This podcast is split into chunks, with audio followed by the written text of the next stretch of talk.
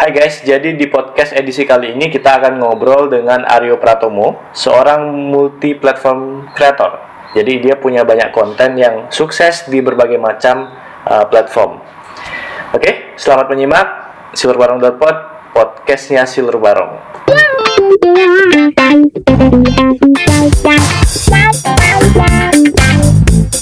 Silur Barong cek. Mr. Aryo, are you there? Yes, I'm here. Apa kabar, man? Ya, baik-baik. Gimana nih work from home? Ah, it's good and bad. Nah, taruh ini completely from home apa gimana? Masih ada keluar-keluar juga? Completely from home. Uh, gue s- mungkin dibantu dengan editor dan videographer yang datang seminggu sekali. Um, dengan full prosedur measurements kayak ganti baju ya sebelum masuk aku semprot dulu dis- disinfektan gitu-gitu cuci tangan segala macem Wah. tapi sisanya everything Ya, else ya, is ya. work from home Ya, tapi di Jakarta kan memang eh, lebih ketat ya kayak daripada di Bali. Soalnya di Bali agak ini ya orang-orang masih pada keluar juga.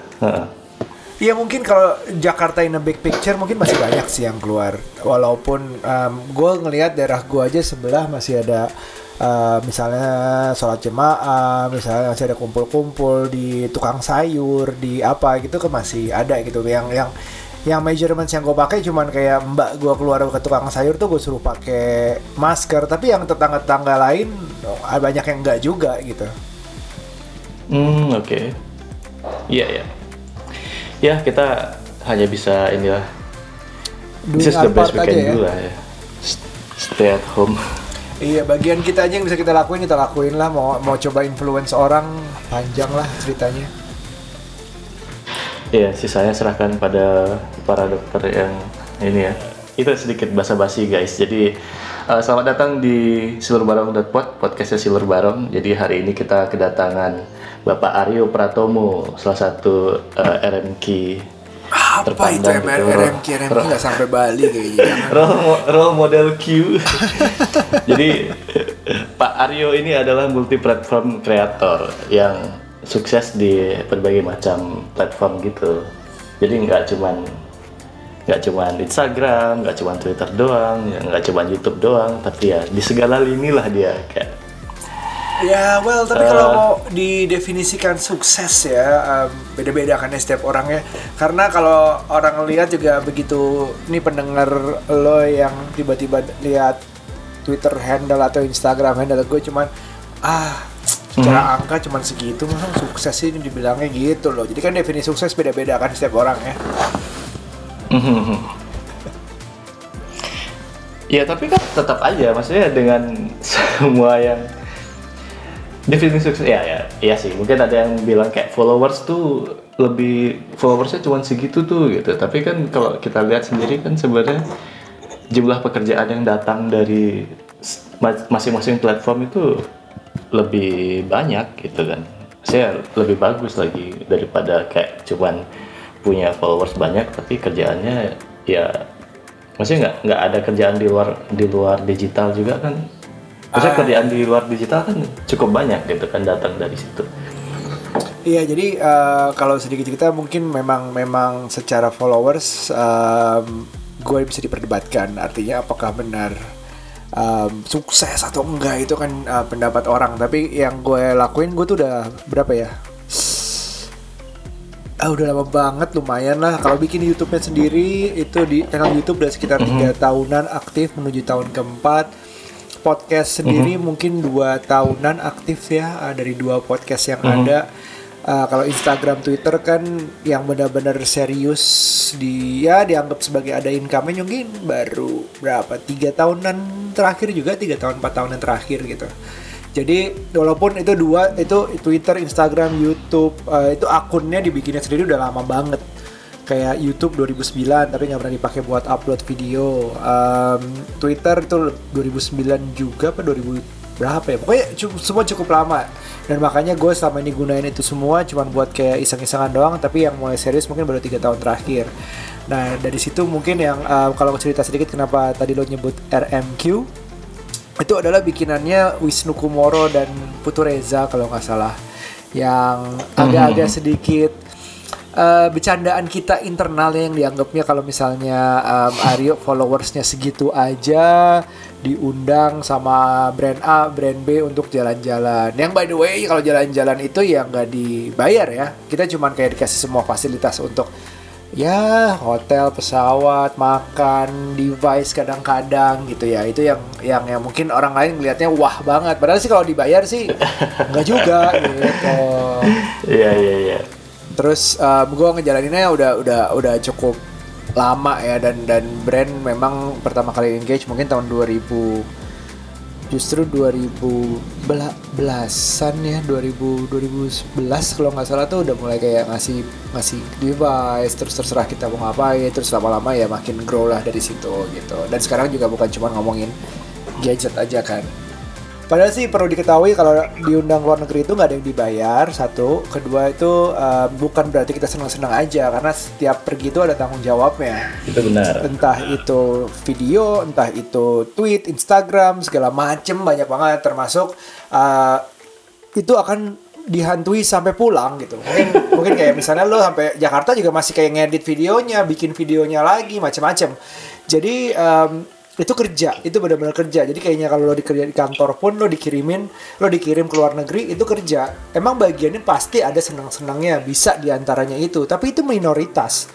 Kebanyakan mayoritas lo akan dihabiskan waktu untuk bekerja gitu. Jadi ya awalnya dari situ. Jadi kayak sambil mereka tuh sambil kayak ngeledek uh, yang yang bilang oh enak ya jalan-jalan terus. Oh wah Aryo nggak perlu itu banyak-banyak yang penting diundang. Tapi basically pada nggak tahu behind that it's it's kayak sometimes it's super tiring loh. Maksudnya kita beda jam, beda perbedaan waktu, beda uh, jaraknya jauh banget, kelasnya kadang-kadang ekonomi, kadang-kadang premium ekonomi, dan itu capek gitu. Jadi ya, jadi ya itu buat mainan aja sih antara si Wisnu itu sambil ngeledek gue, sambil ngeledek uh, netizen juga gitu. Eh, tapi kita nggak pernah jalan bareng ya ngomong-ngomong.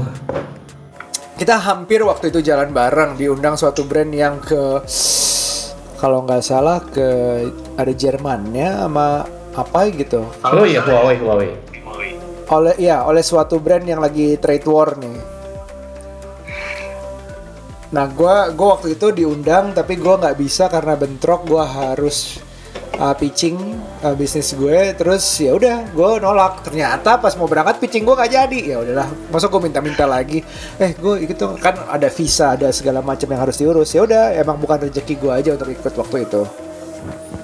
Di maksudnya early tech life itu gimana uh, waktu waktu Mario uh, kayak berusaha kayak ah, memutuskan kayak oh aku mau uh, inilah tech dulu ah gitu masuk ke video tech dulu ah gitu ada nggak kayak gitu pertama-tama waktu memulai? Sem- semua based on apa yang gue suka sih. Karena waktu itu gue suka teknologi. Jadi gue zaman kuliah 2000 2001 2002 kali ya itu eh, setiap kali beli handphone sering tukar jual beli gitu loh. Maksudnya eh, sering oh bosan jual ganti yang baru terus sambil eh, di waktu itu zamannya kalau nggak salah BlackBerry belajar banyak tentang BlackBerry update firmware lah segala macam terus ke iPhone jailbreak. Nah itu semua tuh kayak ada banyak ilmunya untuk ditulis sebelum akhirnya gue jual lagi setiap device. Jadi akibatnya ya gue jadiin blog ternyata ya blog itu berjalan terus gitu aja karena kesukaan gue selama sampai 2009 2010 sampai akhirnya baru akhirnya ada orang notice brand yang notice di saat itu. Jadi based on benar-benar kesukaan. Bahkan bikin video pun seperti gue bilang gue baru jalan 3-4 tahun ke belakang berarti 2016 kali. Akhirnya baru bikin video awalnya tuh full di blog terus main ke tweet gitu-gitu aja.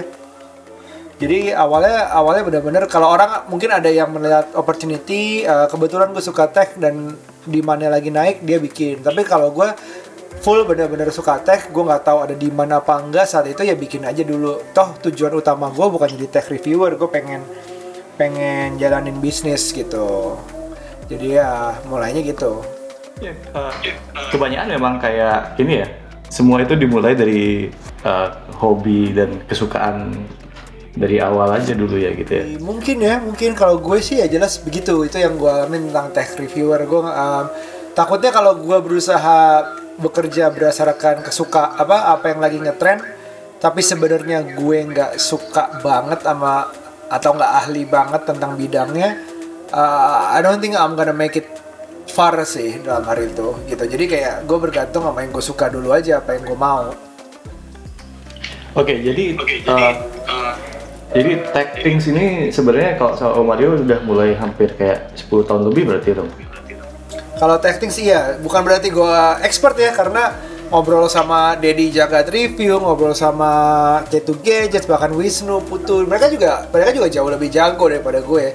Cuman gue sukanya adalah um, gimana mengaplikasikannya ini ke real life aja dengan bahasa yang lebih santai, dengan dengan lebih membumi lah. Mungkin artinya juga gue nggak begitu deep juga ngebalesnya. Ya, ya itu yang ada certain market yang gue sentuh gitu, secara tidak sengaja.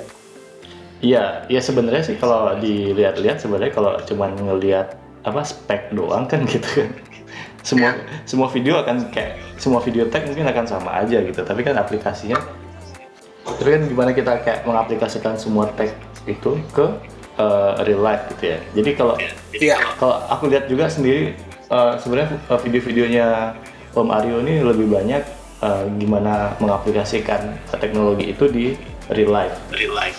Iya betul. Dan gue berusaha sekarang mulai tahun ini kali ya, mulai tahun ini tuh ngajak ngajak istri gue bahkan uh, mau kita bikin uh, tech review yang ada sudut pandangnya dari sudut pandang perempuan atau jadi lebih banyak juga kita akan ngobrol tentang uh, home appliances, um, entertainment, TV, application gitu segala macam yang kalau perempuan tuh ngeliatnya gimana sih gitu. Bukan gue mendiskreditkan bahwa istri gue tuh nggak ngerti, bukan justru dia bahkan yang udah mulai uh, startup ya. Gue malah nggak punya startup bisnis, dia yang punya startup, dia punya Instagram account dan dia mengaplikasikannya yang jadi yang perlu aja dari sebuah Instagram yang akhirnya bisa menghasilkan duit lebih banyak daripada gue.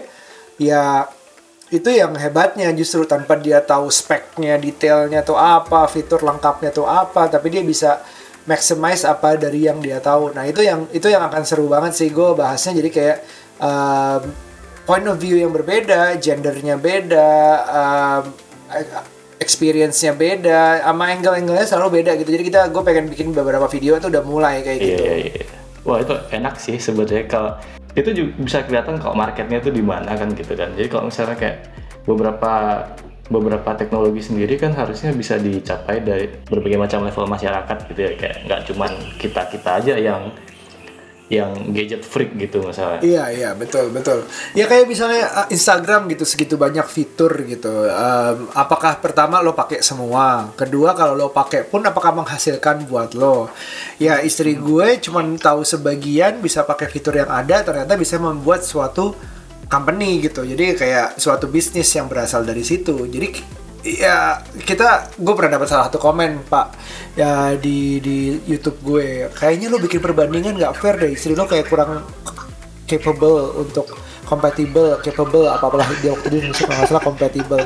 Kayak kurang compatible dalam ngebahas gadget. Lo kalau ngomongin specs iya mungkin dia nggak secompatible gue tapi who needs that gitu. Sep- yang yang bener-bener pengen ngomongin setiap speknya itu marketnya juga kecil. Yang penting lo tahu cara aplikasinya gitu loh gitu. Jadi serunya di situ sih. Gue pengen pengen lebih banyak bikin video lagi sama dia. Pengen bahas banyak home appliances banyak application banyak teknologi in facts to life gitu. Pengen banget gue senang banget gue lagi. Excited banget. Eh kayak ngomongin uh, fans gadget itu ngomongin uh, spek mulu tuh kayak kayak ngelihat musisi ngomongin skill doang gitu. exactly. Kalau nggak membentuk suatu musik yang bagus kan buat apa ya? Iya, kan juga yang menikmati kan yang denger yang cuman maksudnya yang bukan pemain musik gitu kan. Exactly, bener banget, bener banget. Nah ini ini ini ini uh, yang harus diluruskan itu sih. Gue senangnya bukan bukan ngajak perempuan, ngajak istri gue tuh bukan kayak menjatuhkan uh, stereotypingnya perempuan tuh nggak ngerti teknologi. Uh, jangan siapa bilang, lihat dulu nih gitu. Belum tahu Saradici dia. Oh iya.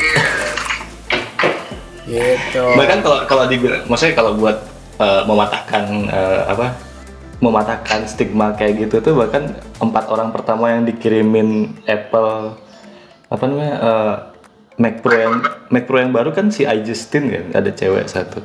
Oh iya, iJustin kenceng banget tuh. Uh, dia dia ya dia duluan, dia duluan, yang duluan. Iya, dia duluan. Terus gimana menurut menurut uh, Om Mario sekarang kalau misalnya uh, ya di di di komen-komennya Om Mario sendiri mungkin udah banyak ya gitu misalnya kalau, kalau misalnya perempuan dianggap tidak terlalu mengerti gitu apakah kalau aku aku sih nggak tahu ya apakah di di uh, komunitas uh, reviewer sendiri udah ada kayak tech reviewer perempuan gitu nggak kalau Om Mario tahu? Udah ada ya, ada kalau nggak salah ada Gadget Empire, ada Droid Lime juga ada tim perempuannya, terus ada um, Arinish itu juga iya. -huh. uh, ada ada, tapi uh, memang dari jumlahnya memang kalah jauh dibanding jumlahnya laki-laki. Tapi jadi kualitasnya bisa bersaing gue bilang gitu. Oh, oke okay, oke. Okay. Terus gimana? Uh, kira-kira sampai kapan mau ngomongin tech? um, sampai gue nggak suka lagi sama teknologi. Which is kayak apa akan berkembang terus ya akan gitu ya? masih lam akan masih ya eh, teknologi itu setiap detik juga ada berita baru kalau lo cari gitu dan gue gue senangnya itu pertama. Kedua uh, tapi juga bukan berarti teknologi harus lo konsum semuanya. Saking banyak yang keluar berita setiap hari itu kayaknya bikin bikin pusing. Sehingga lo tergila-gila sama yang um, kebaruan daripada gunanya gitu. Kayak oh yang penting baru. Yang penting gue pengen ini speknya paling pol apalah segala macam. Gue udah punya yang paling baru. Tapi you don't even maximize it gitu. Itu nggak kayak maximize produk yang lo punya, teknologi yang lo punya untuk benefit lo atau orang banyak, tapi lebih ke arah kayak I just want the latest, I just want the best, I just want the high most high spec atau apalah. Mm. Nah itu kadang-kadang yang kayak orang suka terbutakan sama teknologi sih di situ gitu. That's why gue juga ngajak istri gue salah satunya alasannya kayak gitu. Tapi teknologi sih bukan satu-satunya. Gue gue gue suka gue suka teknologi, uh, gue suka kebaruan juga, gue suka apa yang dia bisa bantu dalam hidup gitu. Teknologi itu bisa ngebantu apa?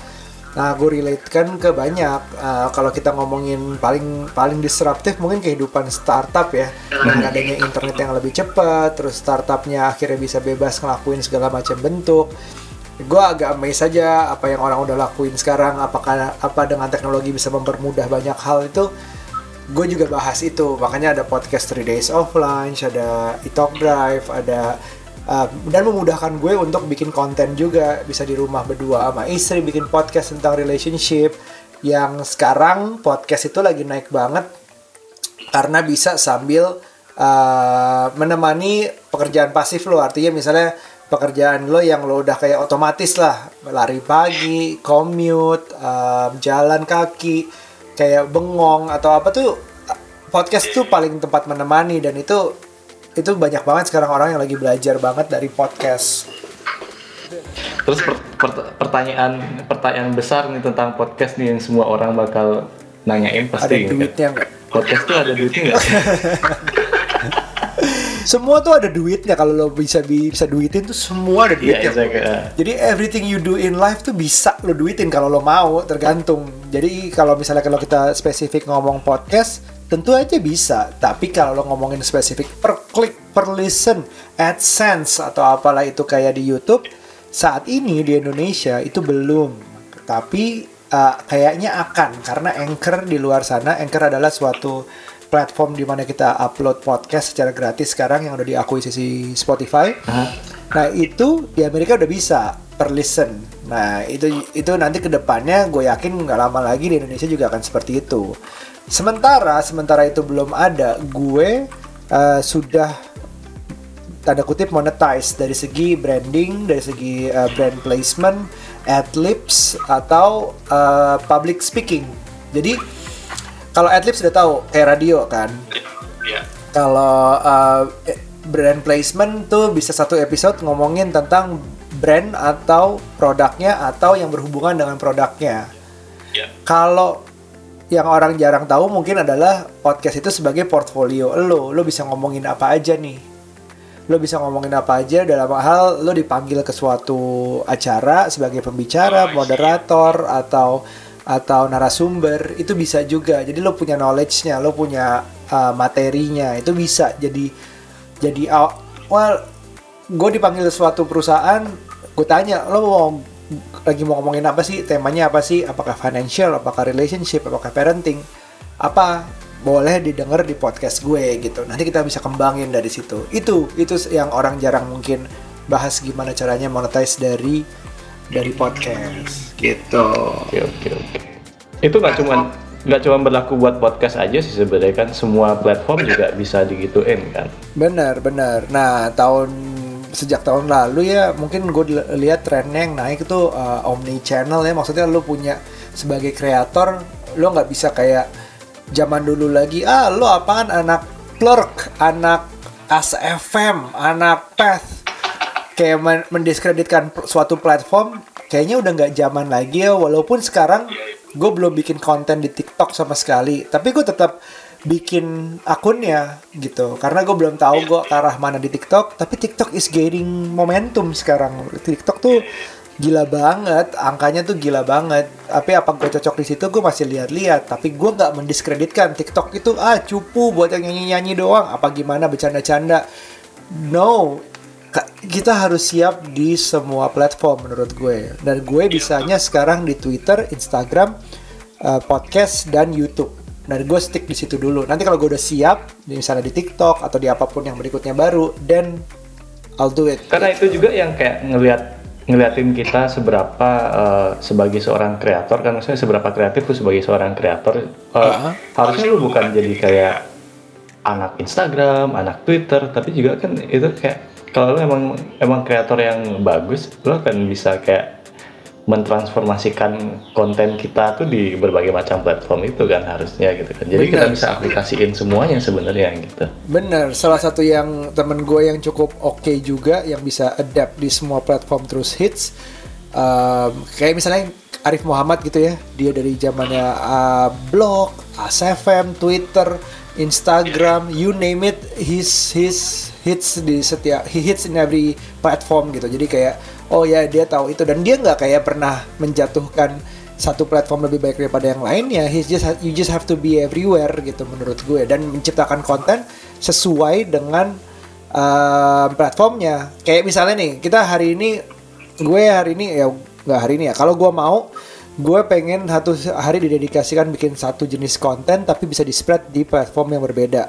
Misalnya gue ngobrol di uh, depan kamera versi panjangnya secara audio akan masuk ke podcast. Versi dagingnya atau pendeknya atau yang atau yang bisa ti- bentuk teaser bisa lari ke YouTube. Versi di bawah 10 menitnya bisa ke IG, IGTV versi di bawah satu menitnya jadi IG feed. Terserah versi 15 detik 30 detik bisa di IG story kalau nggak salah Twitter juga ada videonya 20 eh 240 eh berapa ya 240 detik kalau nggak salah apa 280 detik itu bisa masuk di Iya 240. Ah. Ah, ah, di Twitter. Jadi you can actually satu kali bikin konten dieditnya berkali-kali. Ini gue juga pelajarin dari Gary V. Jadi kayak Gary V kebetulan dia udah gede, udah gede banget. Dia punya timnya sendiri. Ya dia tinggal ngomong dagingnya dari dia tuh banyak banget yang keluar. Tapi yang kerennya di Rock dan seluruh timnya itu bisa membagi-bagi jadi be- beberapa puluhan konten di beberapa platform gitu. Dia semuanya dia masuk bahkan LinkedIn, bahkan podcast semuanya tuh ada semua. So you gotta be available di semua platform sih. Oke, that's nice. Itu kayak harusnya udah bisa di kalau kalian kalau kal- itu nggak masuk di kalian harusnya eh, harus dipikir lagi gimana kalian mau memulai apa eh, digital karir kalian sih. Tapi kalau misalnya kalau misalnya sekarang kayak kita misalnya sekarang kita punya atau misalnya kayak siapa bisa bikin video gitu atau bisa bikin foto gitu. Itu kan foto bisa dibikin videonya juga kayak eh, gimana cara ngedit eh, foto itu gitu. Misalnya kalian fotografer ya gitu. Itu semua bisa ditransformasikan ke berbagai macam bentuk eh, apa namanya digital platform gitu Bisa, bisa banget. Um, apa pun keahlian lo, menurut gue, um, apa pun angle lo atau benang merah lo, tetap bisa dibikin ke beberapa platform sih. Kalau misalnya gue mau memulai TikTok pun, gue bisa bikin TikTok bukan berarti harus joget-joget atau ketawa apa atau lucu-lucuan, tapi gue bisa bikin kayak tips teknologi dalam waktu berapa sih? TikTok batasnya berapa sih? Gue lupa deh. Pokoknya satu menit atau berapa gitu. Ya lo bikin tips tips teknologi as simple as that gitu. Jadi kayak uh, itu masih relate sama benang merah gue dan dalam platform yang berbeda. So just adapt to every platform sih. Nice, itu banyak banget tuh insight dari Om Aryo. Eh ini ada satu pertanyaan lucu juga, gimana sih kalau eh, menghandle komen-komen di Facebook? Jadi seperti kita, eh, maksudnya kalau teman-teman eh, udah follow Om Aryo, dia sering banget kayak sharing-sharing komen-komen di eh, apa? Komen-komen di YouTube dan Instagram juga masih ada nggak sih yang kayak gitu? masih ada Um, uh, mostly akan gue cuekin mostly ya kalau misalnya emang entah itu nggak perlu dijawab atau rhetorical question atau itu um, pertanyaan nggak penting. Beberapa ya gue ignore. Tapi kalau yang misalnya over the line uh, dalam hal ini misalnya kadang-kadang uh, harassment ke istri gue itu pasti gue counter. Uh, harassment ke gue secara fisik misalnya um, itu juga gue counter kadang-kadang. Kadang-kadang ada yang gue counter nggak lama dihapus Tetap- kalau misalnya ada yang pokoknya out of topic suka lari ke mana itu suka gue counter. Tapi gue counter dengan tujuan. Maksudnya tujuannya adalah apa? Biar semoga kalau gue bener counternya tidak dengan cara yang lebih elegan lah semoga itu ke depannya lebih nggak terulang oleh yang lain. Tapi kalau misalnya masih terulang bagi gue adalah oh berarti I didn't do it properly. Gue nggak bener-bener kayak oh oke berarti gue kayak mungkin gue kebawa emosi mungkin gue nggak bener. Mungkin gitu. Jadi balesnya pun harus dengan angle yang bener yang uh, mungkin kalau mau serangan balik juga serangan balik yang sopan yang apa gitu-gitu. Jadi kayak lebih ke arah tetap tujuannya adalah ada tujuan besarnya bukan cuman kayak gue kadang-kadang pun kejadian uh, gue pun emosi terus asal lempar gitu harusnya memang ada beberapa yang gue kontrol mungkin seperti itu tapi mostly tetap aja saran gue sih uh, cuekin Oke. Ya itu sih juga emang the dark side of uh, sosial media juga kayak kalian juga nggak nggak nggak mungkin senang-senang aja sih di sosial media. Pasti kan ada orang yang ngiri, terus ada yang orang yang kayak ngerasa terganggu gitu kadang-kadang. iya betul Padahal kita nggak ngapa-ngapain mereka bisa terganggu sendiri gitu. Iya, yang gue alamin tuh kayak misalnya gue ngomongin gadget, tapi yang difokusin adalah bahasa gue yang nyampur luar luar apa bahasa Inggris dan bahasa Indonesia. Um, uh, gue sebenarnya mau kesel, tapi juga gue agak kasihan sebenarnya. Menurut gue beberapa yang uh, mudah-mudahan gue salah ya, tapi beberapa yang menjatuhkan gue dari sisi lain, dari sisi uh, uh, bahasa adalah dia entah ada apa sama masa lalunya mungkin nggak menyenak nggak bisa bahasa Inggris dan pengen narik orang kayak nggak bisa. I don't know mungkin gue salah. Atau dia ada pengalaman sama orang luar kali yang bikin orang yang berbahasa Inggris yang bikin dia kecewa sehingga menyalahkan ke semua yang berbahasa Inggris atau campur. I don't know juga mungkin gue salah juga. Tapi uh, there must be something wrong with him sehingga harus menjatuhkan orang lain gitu di muka umum. Karena kan komen kan itu kan ranah umum ya kalau benar-benar mau mau um, constructive criticism you would go in private gitu. Akan DM akan email akan apa. Kalau benar-benar lo sayang sama kreator lo ini dan lo benar-benar pengen ngasih feedback yang baik ya bagi gue sih lo jalur pribadi sih. Kecuali lo di umum lo mau menjatuhkan gitu loh. Terus maksudnya sampai sekarang uh, apakah ada kayak komentator tetap gitu nggak sih? ada ada ada yang gue baru lagi gue dibenci gara-gara gue nongkrong sama satu orang gitu. Wah gue udah gak respect lo karena gue masih mainan sama ini. Padahal gue gak ada hubungannya sama masalah dia kenapa nggak itu gitu. Gue karena ya kenal aja. Maksud gue tiba-tiba karena dia misalnya dia ada kasus di internet ada apalah dia berantem sama siapa. Terus I should take sides gitu. Padahal gue juga nggak ngebela dia. Cuman gue masih gara-gara dia ada masalah maksud gue jadi ninggalin dia dari pertemanan kan juga doesn't make sense gitu. Jadi ya ada gue baru tahu. Terus dia terus komen berapa kali terus dengan hal yang ah lo sok tahu gitu.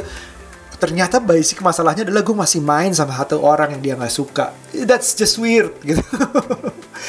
Tapi ya ya gue kalau udah mendendam karena satu hal yang nggak jelas ya gue diemin sih jadinya Iya, kayak ternyata logika dan kedewasaan tuh mahal banget ternyata ya. Nggak semua orang bisa beli gitu. You said it, you said it. Kayak belok sedikit ke gimana produksi-produksi video-video YouTube-nya Om Aryo ini gimana? Eh, kalau yang dari tech, tech review sendiri itu apakah di handle sama Om Aryo sendiri atau sudah ada tim apa gimana? Aku punya aku punya dua em, dua editor dan videographer tapi freelance sesuai dengan availability mereka aja. Jadi saya gunakan eh, satu mereka datang seminggu sekali full day bikin video dan editan kadang-kadang dilakuin di tempat kadang-kadang dibawa pulang.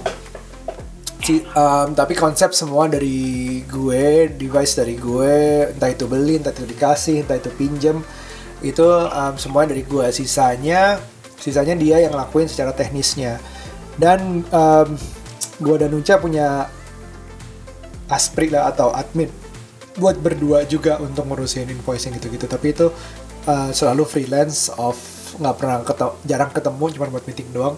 Tapi mostly teknis yang dulu gue lakuin tiga tahun pertama sendiri sekarang udah ada bantuannya Terus gimana eh, itu works out di terutama dari kualitas konten sendiri? Kualitas sih naik ya karena mereka videographer ya. Kalau gue kan um, tech enthusiast yang belajar video sendiri. Uh, mereka mungkin day to day-nya selain nama gue juga bikin video gitu. Jadi otomatis naik. Tapi gue juga sambil belajar ke mereka. Uh, bentar-bentar gue juga belajar ke mereka bahwa ya cara pakai kamera, cara ngedit itu gue belajar dikit-dikit. Tapi akibatnya ada salahnya juga sih, gue jadi males gitu, males ngedit. Dulu tuh kalau terpaksa tuh sendiri tuh gue edit, nggak tidur segala macam. Cuman sekarang karena sejak dua anak tidur itu rasanya mahal banget, ya udah deh gue. gue selama uh, setiap vi- uh, kalau videonya ada untungnya ada brandnya dan kerjasamanya ya udahlah gue bayar gue bagi-bagi juga ke, editor ke videographer gitu sedangkan gue dapat tidur yang lebih banyak mungkin Ya emang dulu dulu gue juga waktu masih anak satu tuh masih ya bisa lah sih. Tapi udah kayak sekarang anak dua tuh ah, iya begitu lo ngorbanin tidur itu lo justru terneglect gitu. bener lo ngorbanin tidur lo malah saat anak-anak bangun lo malah capek pengen tidur kayaknya aduh sayang banget ya sedangkan Iya mau main sama anak tuh jadi kayak nggak ada waktunya kan jadi. Iya, terus lo mau punya ide untuk kerja, akhirnya lo udah keburu capek duluan karena prioritas lo kan anak, terus tidur. Akhirnya kerja ya kalau itu dua nggak terpenuhi itu kayak, aduh jadi nggak bagus kerjaannya gitu. Jadi konsep semua dari awal uh, udah jelas ya pasti Om Mario terus uh, itu kayak ada beberapa kali revisi dan sebagainya itu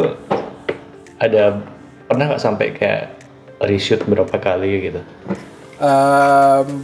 Gue selalu bilang gue majuin konsep yang benar kalau misalnya dia nggak setuju konsepnya.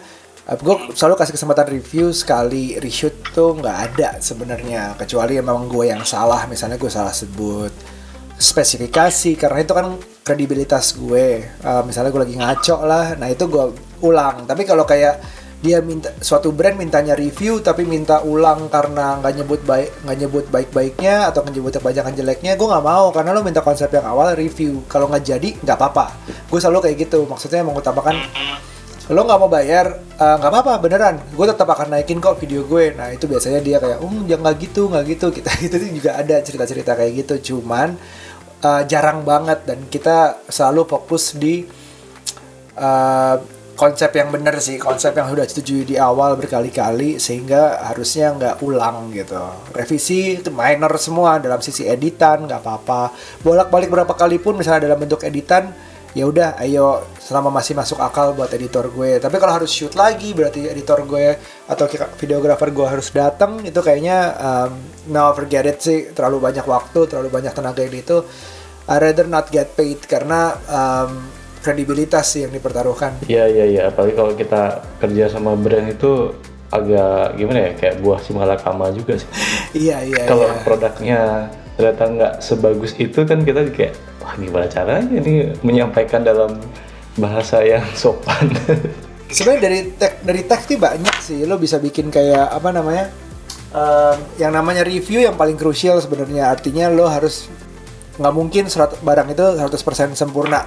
Tapi kalau misalnya lo bisa diubah jadi unboxing jadi hands on jadi five things about this five things about this phone. Uh, kenapa kameranya bagus misalnya? Itu itu bisa diputar-putar kayak gitu menurut gue. Ya, bahkan kalau kita kayak telat beli pun ya masih bisa kayak misalnya apa eh, Samsung Note eh, setahun kemudian gitu masih bisa dipakai jadiin masih bisa. Apa konten gitu. Reza tuh putu Reza sering kayak gitu tuh Tapi ya itu dah kayak sebenarnya kan kalau bahan buat bikin tech, tech review itu banyak banget ya elektronik elektroniknya kita karena apa kita nggak harus beli yang uh, apa, Mahal. spek spek super juga ya yang maksudnya ya yang mahal-mahal gitu atau yang bener bener. Video-video gue yang banyak laku ternyata um, yang berhubungan dengan tablet misalnya. Banyak banget cara meningkatkan produktivitas dengan iPad Pro uh, dengan Tab S6 tuh bisa apa aja sih. Jadi orang kayak mungkin ada beberapa yang udah punya udah punya pengen tahu cara maximize-nya itu juga bisa Terus kalau mau versus versus kadang-kadang brand nggak mau dibandingin, tapi kita bisa bikin bandingin sama produk sebelumnya atau misalnya em, kayak video-video gue yang rame salah satunya adalah 5 tips PowerPoint. PowerPoint gitu. Lo kan nggak harus pakai nggak harus pakai device yang mahal banget. Lo pakai laptop apa pun yang lo punya asal running Windows dan langganan Office 365, PowerPoint ternyata banyak banget yang bisa diulik gitu. Belum lagi Excel, belum lagi misalnya sekarang misalnya kita ngomongin video call mana yang lebih baik? Zoom, Skype, Hangout atau uh, Discord. Tuh lo bisa bikin perbandingan. Kayak gitu kayak gitu tuh gampang. Tuh dikasih ide tuh bikin gih bikin. Ya jadi banyak banget ya sebenarnya bahan buat tech reviewing gitu ya. benar. Oke, yaudah uh, itu tadi beberapa tips lah buat kalian yang mau bikin apa namanya tech review misalnya uh, video atau maupun iya nggak harus video juga ya kita bisa mulai Iya. di blog juga kita mau bisa mulai di, di IG IG kita bisa jadiin blog juga sebenarnya kalau kalau mau dari TikTok Iya dari TikTok sebenarnya juga bisa. Sebenarnya kayak dari dulu juga kepikiran ini TikTok bisa dijadiin tech review apa enggak ya? Tapi kayak tapi aku nggak tahu how TikTok works soalnya. Jadi kayak harus disempatin banget belajarnya tuh gimana gitu.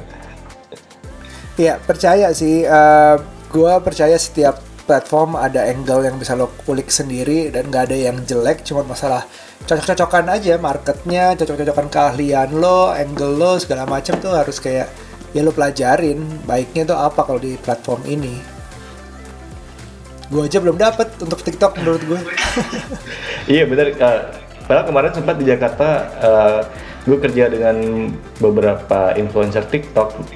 Tapi buat buat ini sih buat video buat uh, bukan HP-nya siapa sih namanya chipset chipset di dalamnya itu gue gue sempat uh, ada produ- produsennya gitu ingin dibikinin video gitu. Uh, ternyata mereka sebenarnya juga anak-anak IG yang kayak lompat oh nggak nggak boleh ngomong anak-anak IG jadi ya yang tadi ya besar di Instagram gitu. Terus kayak mencoba gitu untuk san jadi dia ngebawa uh, audiensnya ke uh, ke TikTok gitu. Jadi sebenarnya um, isi kontennya sebenarnya ya sama-sama aja gimana mereka melakukan seperti biasanya di Instagram. Tapi karena sekarang optionnya untuk apa creativity optionnya di uh, TikTok lebih banyak mereka jadi kayak lebih bebas gitu oke oke oke Ya, jadi ya kan kalau, juga belum kalau di Instagram kan uh, maksudnya mereka di stories itu kan masih kayak kayak copy paste-nya Snapchat banget gitu ya. Jadi ya masih agak terbatas gitu. Terus uh, ada beberapa filter filter filter terus juga mereka bisa ngedit juga kan di di TikTok itu kan mereka bisa ngedit. Terus mereka bisa pakai uh, apa opsi-opsi lagunya itu banyak gitu. Lagu apa songbanknya itu banyak banget. Jadi mereka ngerasa kayak apa pun yang gue pikirin sebenarnya bisa bisa dilakukan di situ gitu. Jadi mereka kayak ngerasa kayak oh iPhone my home nih di sini gitu. Sama dulu mungkin waktu waktu pertama kali mereka dapat Instagram mereka bisa foto-foto terus sekarang soalnya kan kalau di Instagram sebenarnya kan foto-foto kayak foto-foto OOTD itu kan kayak itu cuman kayak kewajiban konten per hari aja bukan karena mereka pengen gitu. Kalau mereka misalnya sekarang di Instagram nggak posting sehari aja itu kan you know kayak turun banget ini ya discovery mereka. udah jadi kayak pressure ya Iya, jadi mere- mereka kayak ngerasa harus banget posting setiap hari terus harus bikin stories terus harus engage dengan followers seakan-akan mereka tuh kerja buat Instagram gitu Iya benar benar benar benar. Itu itu memang udah agak beda sih konten creator hidupnya kalau seperti itu. Kalau misalnya itu itu salah satu halnya kenapa gue masih takut jadi full time content creator karena gue juga punya usaha ya. oh gitu Nggak akan gue lepas karena bukannya it's a bad thing untuk menjadi full time content creator tapi kayak gue nggak tahu diri gue sendiri itu bisa kontrol nggak kalau gue full time. Kalau tiba-tiba gue nggak laku kan berarti kan uh, peliuk nasi anak-anak gue kan. Jadi kayak kalau misalnya gue nggak laku, apakah gue harus kayak eh, mulai mulai melakukan yang diinginkan market gitu? Yang itu yang gue itu yang gue ngeri gitu. Jadi kayak oh bolehlah ini sebagai tambahan, ini sebagai lucu-lucuan walaupun angkanya lah makin lama makin naik, tapi gue nggak pernah berani ngelepas uh, bisnis-bisnis yang gue ada gitu. Oke, pernah nggak sih dalam satu masa gitu angka dari digital tuh lebih banyak dari analog? Angka dan digital maksudnya gimana tuh?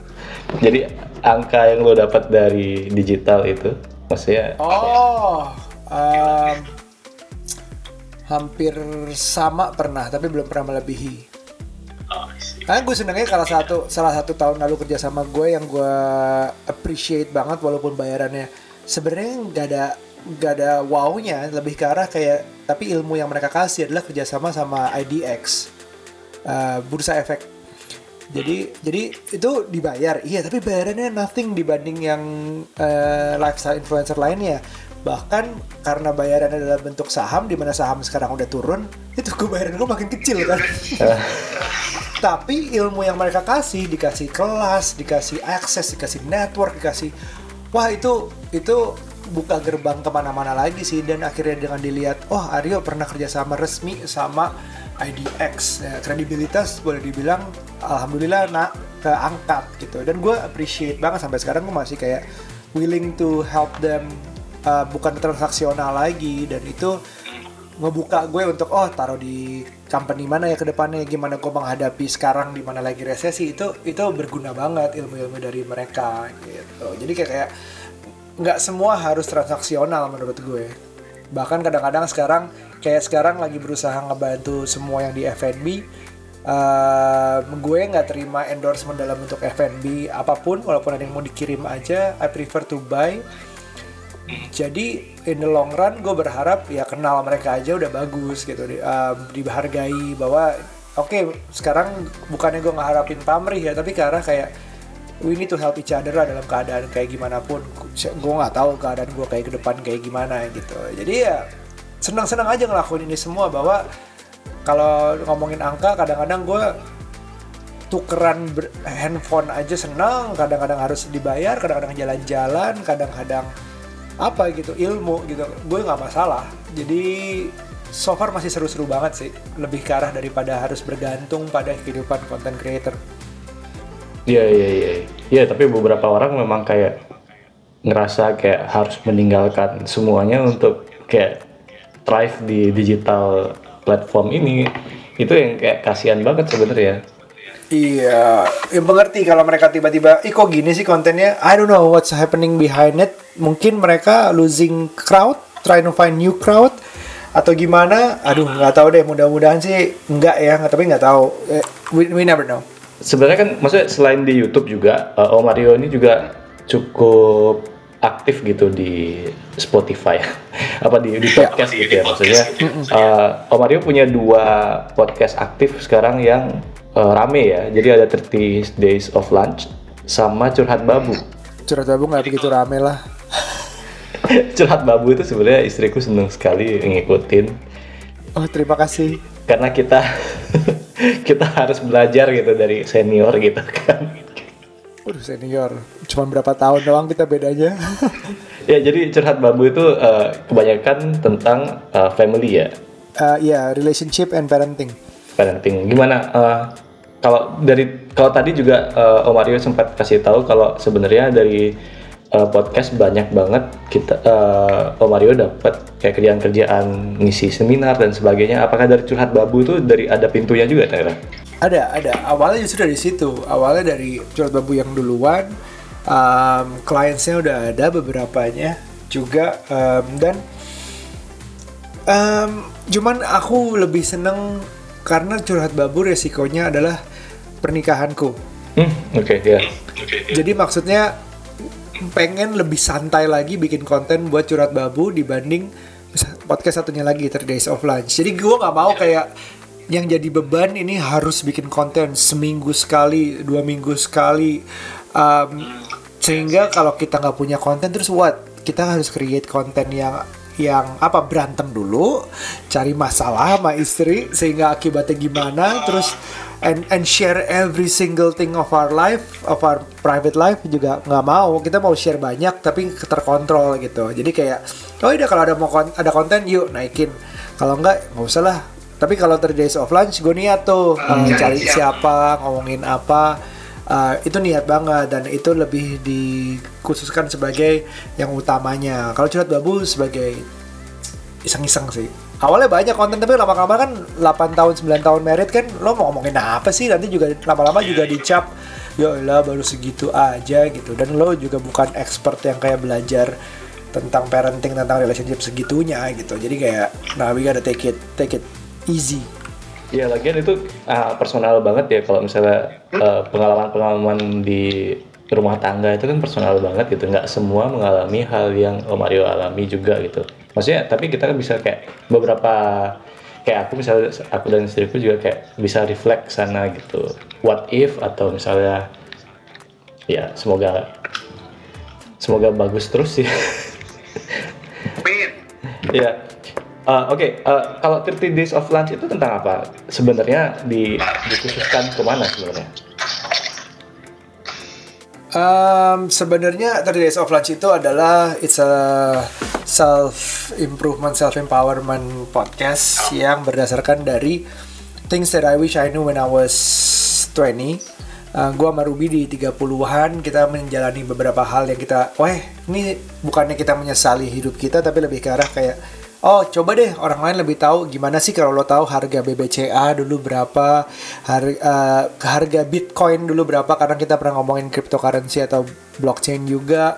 Kalau seandainya lo buka um, bikin konten dari sejak kapan tahu lo bisa belajar dari salah satu episode kita sama Najwa. Kalau lo misalnya um, tahu tentang startup bisa belajar dari Ahmad Zaki misalnya. Jadi kayak kita bukan expertnya tapi kita ngajak ngobrol expert untuk lebih cara tahu um, painnya apa segala macamnya gitu-gitu. Jadi so it's based on that. Dan kita namanya 30 days of lunch adalah 30 itu menunjukkan setidaknya kita per season mau ngelakuin 30 kalau kita berhenti adalah kita berhenti di season per 30 uh, kayak semacam pemicu diri pemicu kita berdua. Dan juga of lunch tuh berharap budaya kita apa sih yang kita bisa manfaatin untuk cari ilmu ke orang uh, ngobrol sama orang yang lebih kaya lebih experience lebih pinter lebih jago lebih apa pun kita pick their brains and then we pay for their lunch. Biasanya kayak gitu kan. Kalau di luar mungkin after hours drinking lah atau kalau golf mungkin segmented atau enggak kalau uh, lobby-lobby lainnya saya pengen di Indonesia itu cuma dua kan lunch sama ngopi. Biasanya lo dapet itu gitu. Itu tapi uh, kalau dari aku pribadi sih terima kasih banyak itu di 30 30 days of lunch itu. Gimana ya soalnya uh, keep doing that. Soalnya nggak semua orang punya link-link yang kalian punya gitu loh. Jadi kayak mungkin kalau uh, kayak ketemu misalnya ketemu Najwa ketemu Ahmad Zaki terus dijadiin uh, sharing kayak gitu kan nggak semua orang di di Indonesia ini bisa kayak gitu. Ya jadi kayak kita happy banget kalau dengarnya saya dengerin dengerin konten The Days of Lunch itu kayak wah ini akhirnya ada yang bisa ngajak ngobrol Ahmad Zaki tentang sesuatu hal gitu kan kita juga pengen tahu apa yang di ada pikirannya dia gitu misalnya di, di kepalanya dia pemikirannya kayak gimana gitu terus kita bisa belajar banyak banget dari sana Iya, semoga ya, semoga bisa jalan terus ya. Ini kita season kedua, episode ke-8 kalau nggak salah. Still a long way to go, so doain aja. Aku sih se sebenarnya cuman segitu aja sih. Jadi kayak uh, terima kasih banyak Om Mario untuk ngobrol-ngobrolnya terus kasih banyak udah menginspirasi teman-teman juga mungkin nggak cuma aku tapi juga kayak teman-teman di luar juga banyak yang terinspirasi sama Om Mario Thank you so much Terima kesempatannya. kasih banyak Om Mario Eh, sampai ketemu lagi mungkin eh, di Jakarta ya kalau kita kita belum dapat ketemu bener-bener kayak ngobrol-ngobrol gitu ya di Jakarta ya Iya, next time ya. Semoga masalah COVID, masalah corona ini semua cepet beres dan kita bisa ketemu atau nggak gue yang ke Bali mungkin ya. Pengen Iya, banget. amin amin. Jadi eh, ya udah segitu aja teman-teman semua para pendengar, makasih banyak udah eh, dengerin kita berdua ngobrol di sini. Eh, sampai jumpa di konten berikutnya, di podcast berikutnya. Kalau kalian punya apa-apa, eh, tanya aja ke Instagram saya atau langsung hubungi Om Aryo pakai DM Instagram juga boleh @segario. Jangan juga jangan lupa follow Instagramnya, Instagramnya 38k segario. Eh, di Twitter juga bisa, di YouTube juga jangan lupa subscribe. Terus ikuti juga eh, kalau kalian suka podcast, ikuti juga podcast 30 Days of Lunch dan Curhat Babu di Spotify. Oke, thank you, thank you, bye. Oke guys, segitu obrolan kita bareng Aryo Pratomo atau Om Segario. Jadi kalau kalian merasa terinspirasi, semoga ya semoga semoga kalian terinspirasi ya. Jadi uh, jangan lupa uh, dengerin juga kayak podcast-podcast kita sebelumnya dengan berbagai macam tamu juga. Oke udah segitu aja Silver Barong Pod podcastnya Silver Barong.